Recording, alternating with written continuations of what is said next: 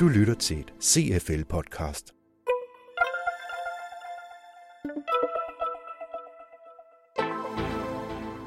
Det her med at tænke stort, men, øh, men have en adfærd, der minder om de små, altså think big, act small, det er noget af det, som, øh, som, som løfter din eksekveringskraft. Men det er også noget af det, der er enormt svært, fordi du bliver stor og tænker stort og gør tingene bøvlet. Velkommen til et nyt podcast fra CFL. Denne gang handler det om eksekvering. I oktober 2017 blev CFL's nye indikator om eksekvering fremlagt, debatteret og perspektiveret på et klubhusmøde. Og i det her podcast kan du høre to af CFL's eksperter på eksekveringsfeltet diskutere mere om eksekvering. I studiet denne gang er... Jeg hedder Ejner Jacobsen, jeg er chefrådgiver her hos CFL. Jeg hedder Mogens Fo, og jeg er ansvarlig for vores rådgivningsforretning. Her hører du først Ejner Jacobsen opsummere nogle af hovedpointerne i CFL's indikator om eksekvering. Jeg har vel vores gamle traver, at øh, dem, der i høj grad siger, de eksekverer, det er, det er 29 procent, eller i rundetal en tredjedel. Og vi diskuterer jo altid internt i CFL, om det er et højt tal, eller om det er et lavt tal. Øh, vi glæder os over det stedet lidt siden sidste år, men, men vi synes jo generelt, at øh, det stadigvæk er et tal, der er for lavt. Og øh, jeg kan sige, alt kernen i ledelse er vel eksekvering få nogle andre ting til at ske, end det, der sker af sig selv. Øh, så derfor vil vi selvfølgelig rigtig gerne bidrage til at, øh, at belyse det her. Simpelthen kan vi, ikke, kan vi ikke blive lidt bedre til det. Det synes jeg er sådan det, det enkelte stående. Så øh, har vi så fundet ved at krydse nogle af de her tal, at hvis man øh, kigger på dem, der gør det rigtig godt, altså den der øh, tredjedel, så tyder det på, at de faktisk øh, bruger i hvert fald som målsætninger meget mere og tydeligere, end de andre, så at sige, gør. Og det synes vi er rigtig vigtigt, og husk ikke, at man skal blive øh, målfascist, men, men det er åbenbart ret vigtigt, at man egentlig prøver på at, at blive konkret og sige, det er det her, vi gerne vil. En anden ting, vi så har altid også opholdt ved, det er beslutninger. Er vi særlig tydelige på de beslutninger, vi har truffet? Øh, på hvilket grundlag har vi gjort det? Og og hvor let eller hvor svært er det egentlig at gribe den bold, som ledelsen kaster. Øh, vi har en forventning om, at det er ledelsen, der kaster øh, som siger, forandringsbolden der. Og der er der også meget, der tyder på, at, at organisationen i hvert fald ikke oplever det som specielt øh, let. Så der tror vi også, der er et rigtig stort stykke arbejde at gøre. Og det var så også derfor, vi havde valgt at tage indflydelsesteknikker med ind øh, på klubhusmødet, fordi at der er et eller andet omkring beslutninger, som vi, øh, vi skal prøve at kigge på. Udover data fra indikatoren var der på klubhusmødet også tid til at lytte på en case, denne gang fra DGI. Og så var der indlagt en diskussion om indflydelsesteknikker. Og her kom følgende frem. Når man skal ud og øh, eksekvere, så er der nogen, der skal gøre noget. Og det er som regel nogle få, der bestemmer, hvad mange så skal gøre. Og som Ejner også siger, hvis man nu sætter nogle mål op for, hvad det så vi lykkes med, så er det også nemmere at finde ud af, om vi er eksekveret eller vi ikke er eksekveret. Fordi der rent faktisk er nogle øh, kriterier for, hvad der er eksekvering og hvad der ikke er eksekvering. Når man så er nogle få, der skal have mange til at gøre noget, så skal man jo øve indflydelse, og man skal øh, skabe et mandat. Og man kan øve indflydelse på forskellige måder. Man kan komme med en opgave, der skal eksekveres, og så kan man sige, lav den opgave her. Så kan man sige, hvorfor skal jeg det? Det er fordi, jeg bestemmer. Og det var en tilgang. Og bruger man den hele tiden, så går man, øh, så går man nok kold som modtager af den indflydelsestaktik øh, på et tidspunkt. Så det handler om at, at få kombineret øh, forskellige teknikker, således at, at du rent faktisk får påvirket de personer, du gerne vil påvirke, til at eksekvere på det, de rent faktisk skal eksekvere på. Fordi det er det, der ligger i planen, og det der er en god idé. Og, øh, og der fandt vi ud af, at der var faktisk øh, tre øh, muligheder, tre end results, man kunne stå med. Man kunne være helt vildt begejstret så skulle man bruge nogle teknikker. Var man sådan øh, okay begejstret, så var der nogle andre, og tog man den på trods, så var det nogle, øh, nogle helt andre teknikker, man skulle bruge. Så det at kombinere, og det at finde ud af, at kan vide, hvordan øh, vedkommende tager imod det her, og så bruge den rigtige øh, teknik, det synes jeg var interessant. Det gav nogle sindssygt gode diskussioner, og det gav nogle refleksioner på, at øh, folk godt kan se bagud, hvad de gør, men det er svært at finde ud af, hvad man skal bruge fremadrettet.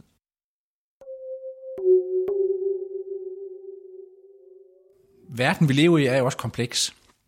Så det er jo ikke sikkert, at, at vi har alting lagt på plads, og derfor synes jeg, at nogle af de der indflydelsesteknikker, der også går på, hvor man måske øh, inviterer til dialog, og, sådan, og måske netop med medarbejdere, og sige, hvad, hvad synes I om det her? Vi er sådan set ikke 100% fastlagt i ledelsen, vi vil rigtig gerne derhen og have, have, tjene nogle flere penge, eller få nogle flere kunder, men det er jo rigtig godt at invitere nogen med ind, øh, fordi det er jo ikke alt modstand mod forandring, der nødvendigvis er negativ. Samtidig er modstand mod forandring jo også et udtryk for, at, at, at der er noget, som kunne gøres på en bedre måde måske. Og det tror jeg jo egentlig på, indflydelsesteknikker kan være med til, at vi får de ting frem, så i stedet for at vi modarbejder hinanden, så får vi måske en større og en bedre forståelse, som gør, at vi kan, vi, vi kan eksekvere hurtigere og mere effektivt, end vi i stedet for måske bruger vores energi på at sige, at det skal gøres på præcis den her måde. Og derfor synes jeg, at indflydelsesteknikker er en god måde til måske netop fra overgangen fra de få til de mange, at det kan blive en god proces, i stedet for at det bliver den der lidt hårde proces på, nu gør vi sådan, og nu rykker vi, og det skal gerne gå i takt, helst lidt hurtigt. Øh, det kan være forventningen, men det er svært at få indfriet. Og der synes jeg egentlig, de er et rigtig godt supplement til mere traditionelle change management øh, metoder.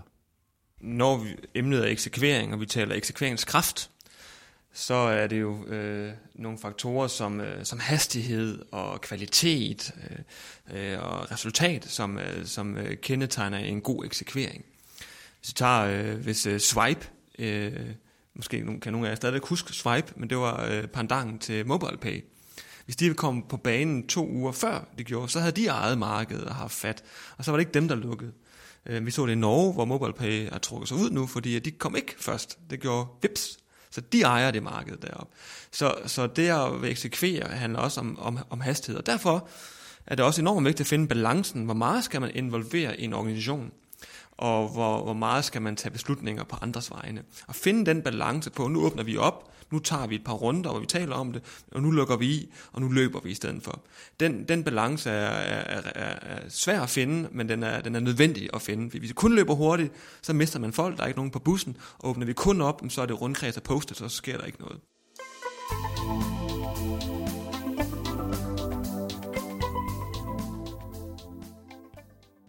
Det med omkring beslutninger, der er det også meget vigtigt at, at være tydelig på, øh, på formålet. Altså, hvad var egentlig udgangspunktet? Hvad var det, vi ville med det her? Siger Mogens, vi ville have resultater, og, og, og det vil vi også, men samtidig måske også at forklare, hvorfor er det, vi vil have de her resultater? Hvorfor skal vi blive hurtigere på markedet? Hvorfor skal vi vokse? Hvorfor skal vi blive mere effektive? Hvorfor skal vi tjene flere penge?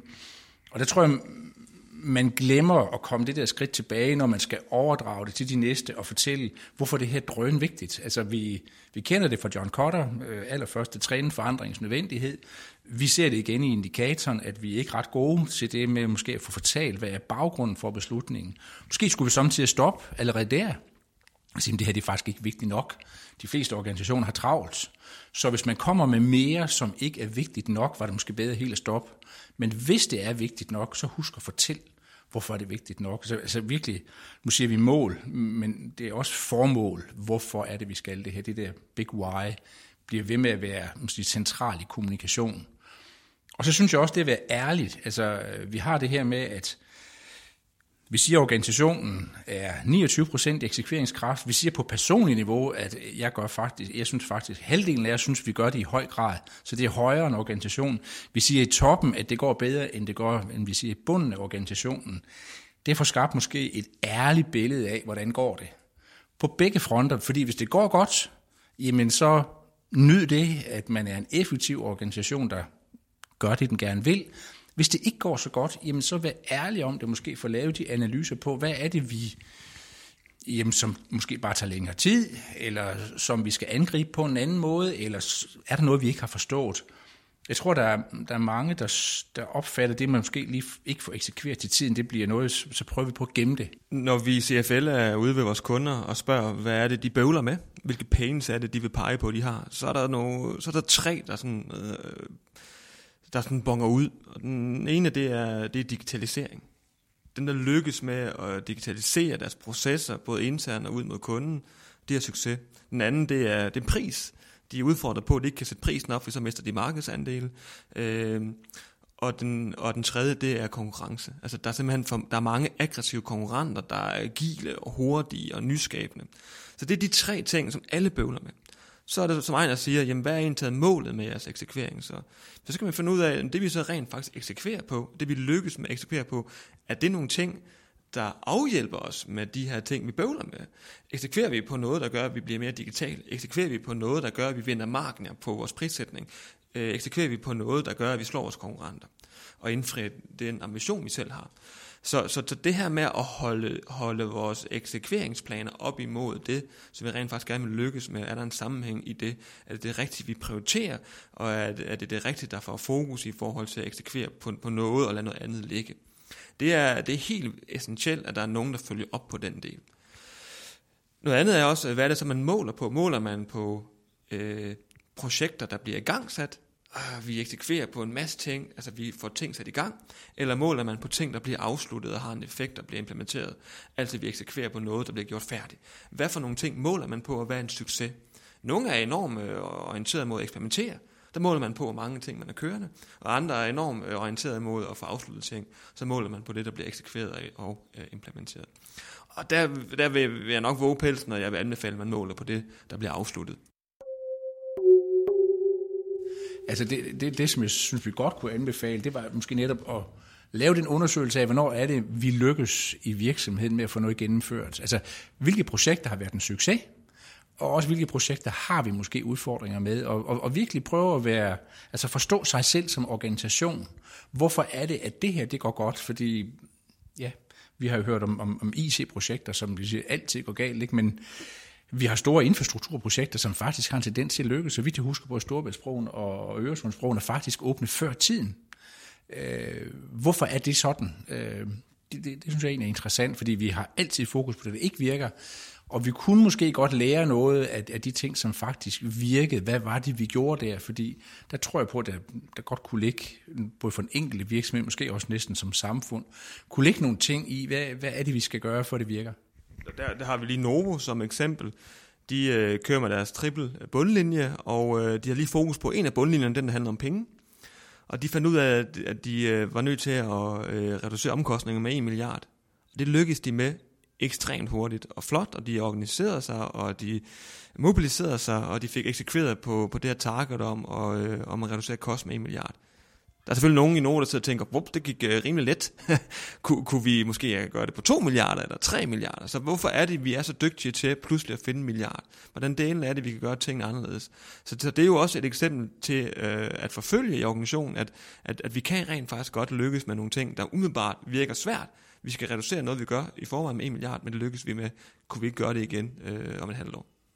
En virksomhed, der om nogen har formået at vende en udvikling og eksekvere på deres kerneforretning, det er jo Lego, som har leveret det ene flotte resultat efter det andet. Øh, så flot, at deres direktør både dansede og sunget ved præsentationen af regnskaberne. Og, øh, og nu har de så stor succes, at det begynder faktisk at spænde en lille smule ben for dem. Man kan læse i børsen, at de har et kursus, der handler om at bruge sit Mastercard og der kan man jo begynde at, at tænke på, at det, er det eksekveringskraft at trække sig ud af sin drift, der handler om at lave øh, fedt legetøj til børn, Øh, også at sidde på skolebænken og lære med en mastercard i stedet for. Og det er klart, når der kommer så mange af sådan nogle eksempler i en organisation, der bliver større og bredere og tungere og mere kompleks, så vil det alt andet lige øh, reducere din eksekveringskraft. Og der har Lego så været inde og tage konsekvensen og sagt, at vi er nødt til at ligne os selv, vi er nødt til at sørge for, at vores kerneindsatser, vores, at vores markedsføring, vores udvikling, øh, det bare spiller top. Og så må vi finde ud af, er der noget, vi kan skære væk rundt om, så vi stadigvæk fastholder vores øh, øh agilitet og eksekveringskraft. På baggrund af indikatoren om eksekvering er CFL kommet frem til de fire anbefalinger, der kommer her. Mål, formål, altså være tydelig på det. Hvad, hvad er det, vi vil med det? Og måske også være kritisk, øh, om det er vigtigt nok til at sætte det i gang. Så, så mål er, er rigtig vigtigt. Det er vigtigt, at vi har et godt beslutningsgrundlag, at vi har været det omkring, vi har analyseret det nødvendige, ikke alt det, vi kan, men er det en kompliceret beslutning, så skal der også nogle analyser til. Er det en enkel beslutning, jamen så, så ryk på det. Så kommer den der meget lavpraktiske, følge op. Øh, det er utrolig let at sige, og alle er enige om det, men vi ved jo godt, at den energi, det måske kræver at gå ned og gøre noget for fjerde gang, det er bare hårdt. Og det er jo der, hvor vi i Center for Ledelse også ofte anbefaler at have fokus på ledergruppen, fordi det er måske der, man skal hente den kraft til at gå ned endnu en gang og, og sørge for, at det her det er på plads. Og det sidste, jamen det er kommunikation. Kommunikation om, hvorfor vi vil det, kommunikation om, hvor langt vi er, kommunikation om, hvis der er noget, der ikke går, som det skal, øh, så tal om det og, og, og få det bragt på plads der, hvor det skal være sådan at vi ikke får den store forskel mellem top og bund i organisationen, som måske ikke dækker over en reel forskellighed, men simpelthen fordi vi ikke får kommunikeret om, hvor er vi egentlig hen. Og det var altså Ejner Jacobsen, chefrådgiver, og Mogens Fo, direktør hos CFL, der her drøftede dilemmaerne i god eksekvering. Du kan læse mere om klubhusmøde og om eksekvering på www.cfl.dk. Og til allersidst får du et ekstra lille reklameindslag fra Ejner Jacobsen.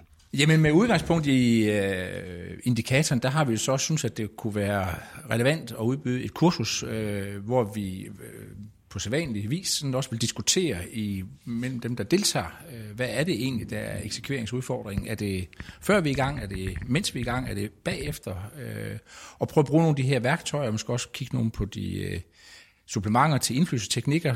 Nu kigger vi godt på det på klubhusmødet, men, men netop med afsæt i, hvad, hvad er deltagernes behov? Øh, prøve på at få hjælpe med til at, at blive bedre til at eksekvere. Det kan man læse på vores hjemmeside, som sædvanligt, og andre gode steder. og det foregår den 29. november. Du har lyttet til en podcast om eksekvering, lavet for CFL af journalisterne Mette Reinhardt Jacobsen og Søren Brink. Husk, du kan lytte til meget mere ledelse, hvis du går på opdagelse i CFL's podcast Kartotek, som er tilgængelig på iTunes og på CFL's hjemmeside.